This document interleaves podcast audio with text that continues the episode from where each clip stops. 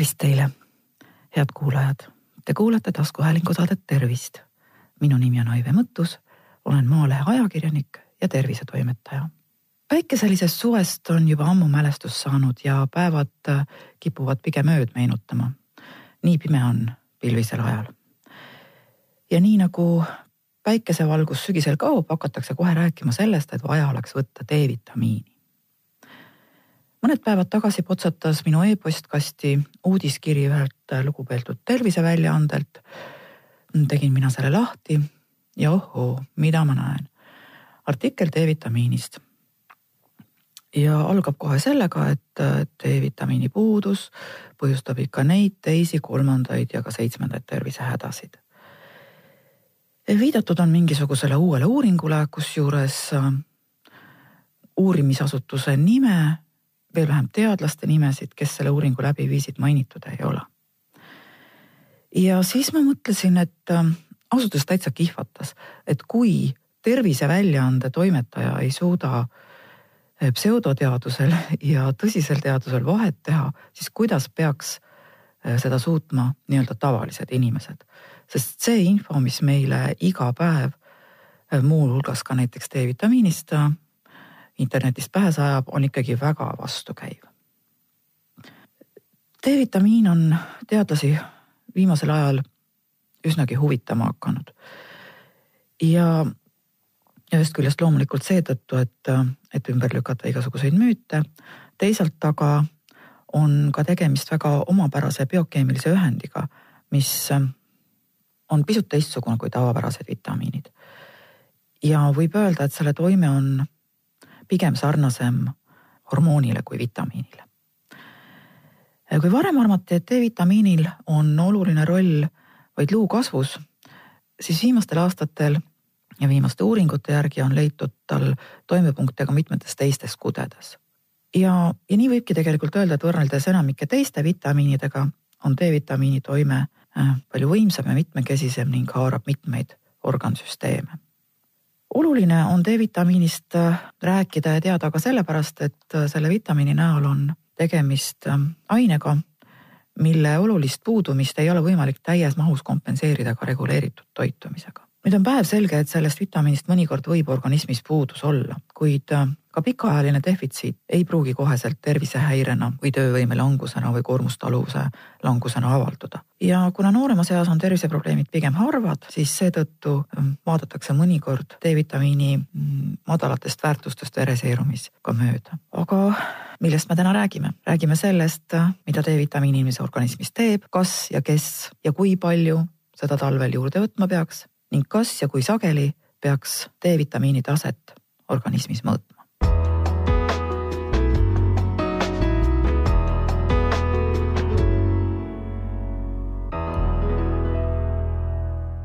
D-vitamiinid mitmuses siis on rasvlahutavad vitamiinid ja kõige enam räägitakse D2 ja D3 vitamiinist.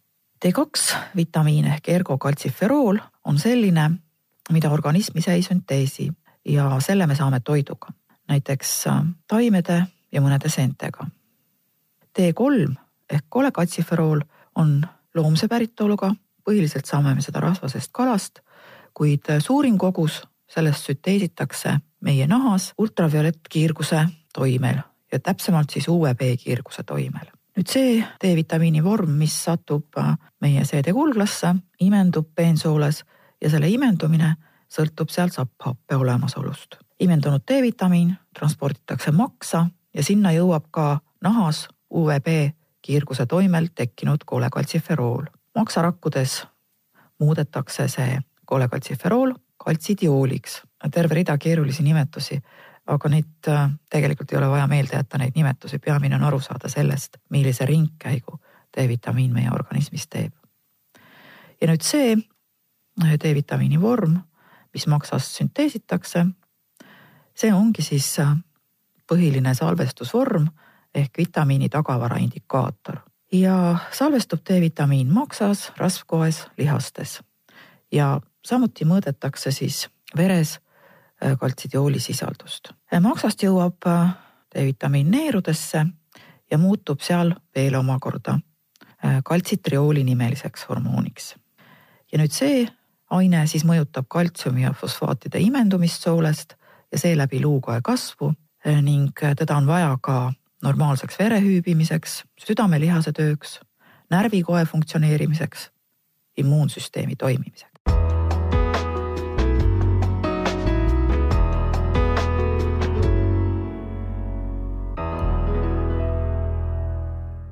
Tänavusuvine päikeserikkus tekitas paljudes inimestes, sealhulgas ka minus küsimuse, kas nüüd kõige selle peale peaks talvel D-vitamiini purgist juurde võtma või mitte. ja ma esitasin selle küsimuse ühte artiklit kirjutades kesksuvel perearst doktor Katrin Martinsonile. ja doktor Martinson vastas mulle sedaviisi, tsiteerin. tõesti, loodus on seadnud nii, et kui päikesekiirgus, täpsemalt B-tüüpi ultraviolettkiirgus inimese nahaga kokku puutub, hakkab organism sünteesima D-vitamiini. päikest on tänavu olnud küll rohkesti, kuid oluline on ka teine pool. selleks, et süntees saaks toimuda, peab inimene iga päev teatud aja katmata nahaga õues viibima. ja doktor rõhutas ka seda, et katmata nahaga päikese käes viibimine ei tähenda päevitusriietes rannas lebamist. piisab ka lihtsalt õues liikumisest, kui seljas on lühikeste varrukatega pluus ja nägu ning sääred katmata ning piisav päikese käes viibimine suvel on doktor Katrin Martinsoni sõnul täiesti kohane vahend niisuguse varu kogumiseks, mis aitab äh, meil talvel säilitada adekvaatset D-vitamiini taset organismis. kui palju on piisav? Eesti toitumis- ja liikumissoovituste järgi annab meie laiuskraadil juunis-juulis siis näo, käsivarte, käte, äh, jalasäärte ehk et kahekümne viie protsendi kehapinna eksponeerimine päikesele kaks-kolm korda nädalas, vähemalt kümne minuti vältel. heleda nahapigmentatsiooniga inimestel hinnanguliselt äh, viis kuni kümme mikrogrammi D-vitamiini päevas ja tumeda nahapigmentatsiooniga inimestel tuleks päikese käes viibida vähemalt viisteist minutit päevas, siis saavad nemad samasuguse koguse D-vitamiini oma nahas sünteesitud.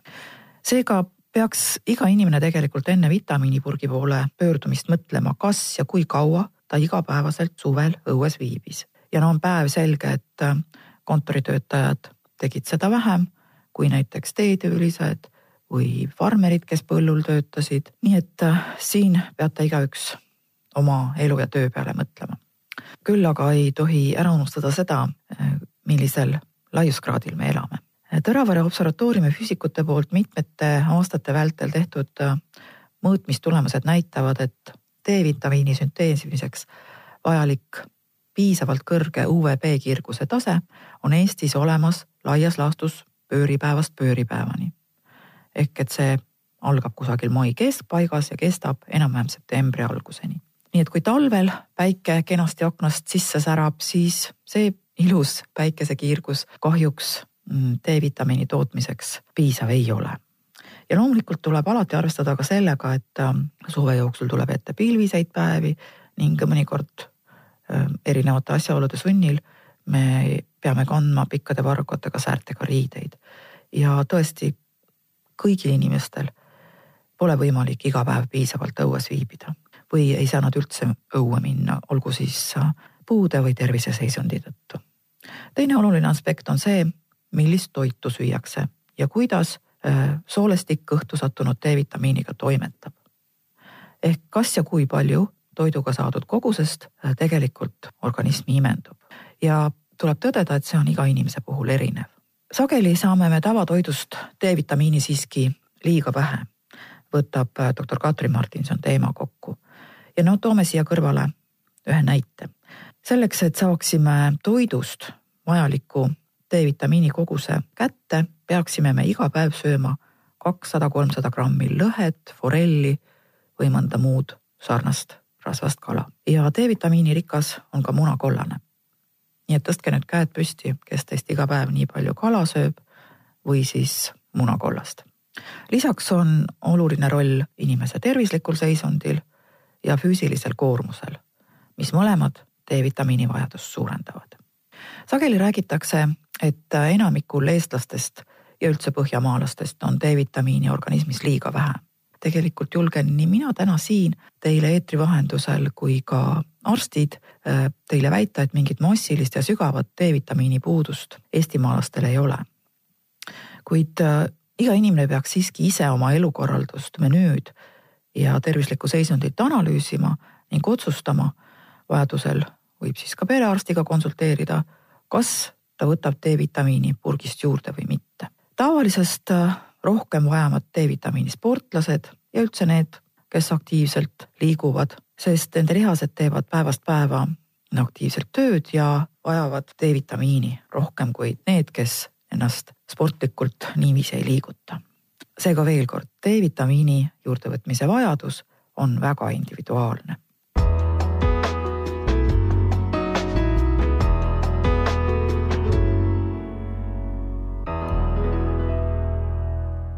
D-vitamiinist ja selle uurimisest rääkides ei pea me pilke ainult mitte välismaa teadlaste poole pöörama, vaid võime ka enda mm, teadlaste uuringutest rõõmu tunda. viimati korraldasid suure kolm aastat kestnud äh, uuringu aastatel kaks tuhat neliteist kuni kaks tuhat seitseteist Tartu Ülikooli Sporditeaduste ja Füsioteraapia Instituudi teadlased, Tartu Ülikooli Kliinikumi arstid ja Kaitseväe ühendatud äh, õppeasutuste sõjameditsiini ja katastroofikeskuse teadlased.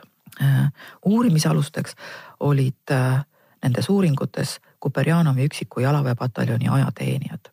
ja tähelepanuväärne on see uuring selle poolest või need kolm uuringut siis selle poolest, et äh, tingimused, milles need ajateenijad viibisid, olid kõigile suhteliselt ühesugused.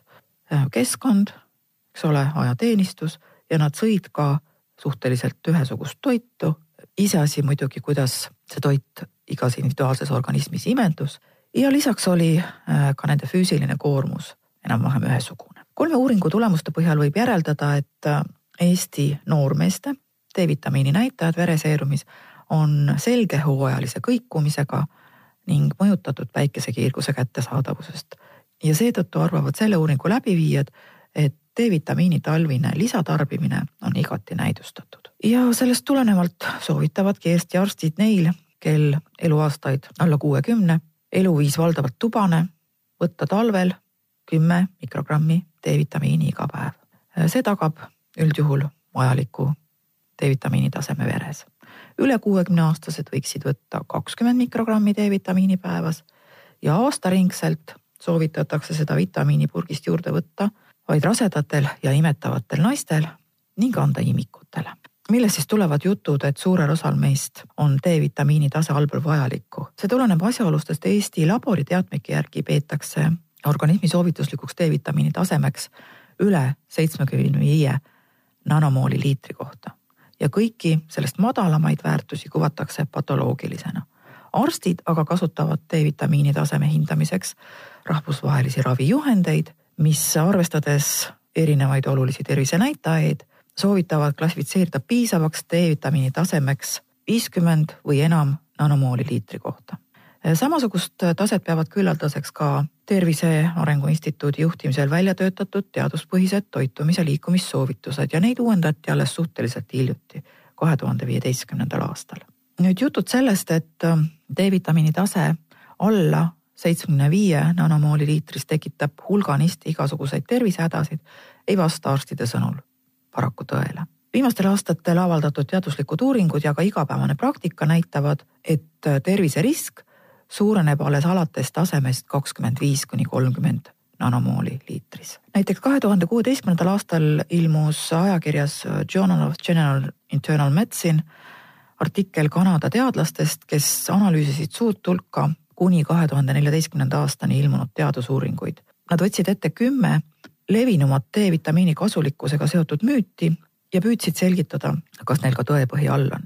ainus, mis leidis tõestust, oli D-vitamiini efekt eakate inimeste kukkumiste ja luumurdude puhul. ja sedagi ainult koos piisava hulga kaltsiumiga. nii ütles siis tänavu kevadel Eesti Päevalehele neid uuringu tulemusi kommenteerides Tartu Ülikooli peremeditsiini ja Rahvatervishoiu Instituudi juhataja, professor Rutt Kalda. Äh, ning veel üks oluline nüanss, kõik need äh, soovitatud kogused, millest ma enne rääkisin, ei vaja eelnevalt organismis D-vitamiini taseme mõõtmist. kui aga teil on tervisekaebus, siis, siis otsustab äh, selle mõõtmise vajalikkuse kaebustest ja teie läbivaatuse tulemustest lähtuvalt arst.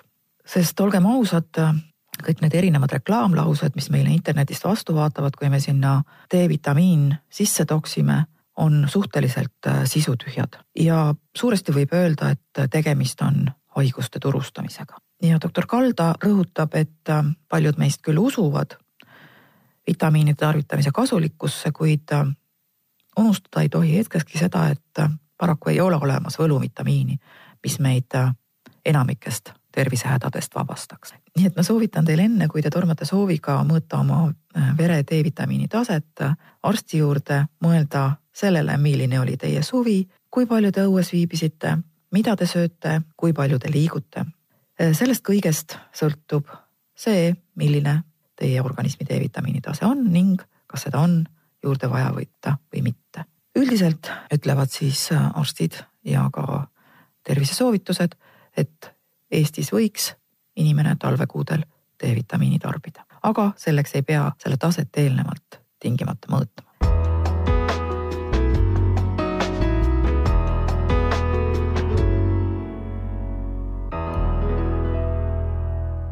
head kuulajad, te kuulasite taskuhäälingu saadet Tervist. saate leiate Delfi podcastide pesast tasku, nutirakendustest Spotify, Apple Podcasts, SoundCloud ja teised hakake jälgijaks ja kuulake just teile sobival ajal. ettepanekuid teemade kohta, mida saates käsitleda, ootan teilt e-posti teel aadressil tervist at maaleht.ee. minu nimi on Aive Mõttus, olen Maalehe ajakirjanik ja tervisetoimetaja. tervist teile!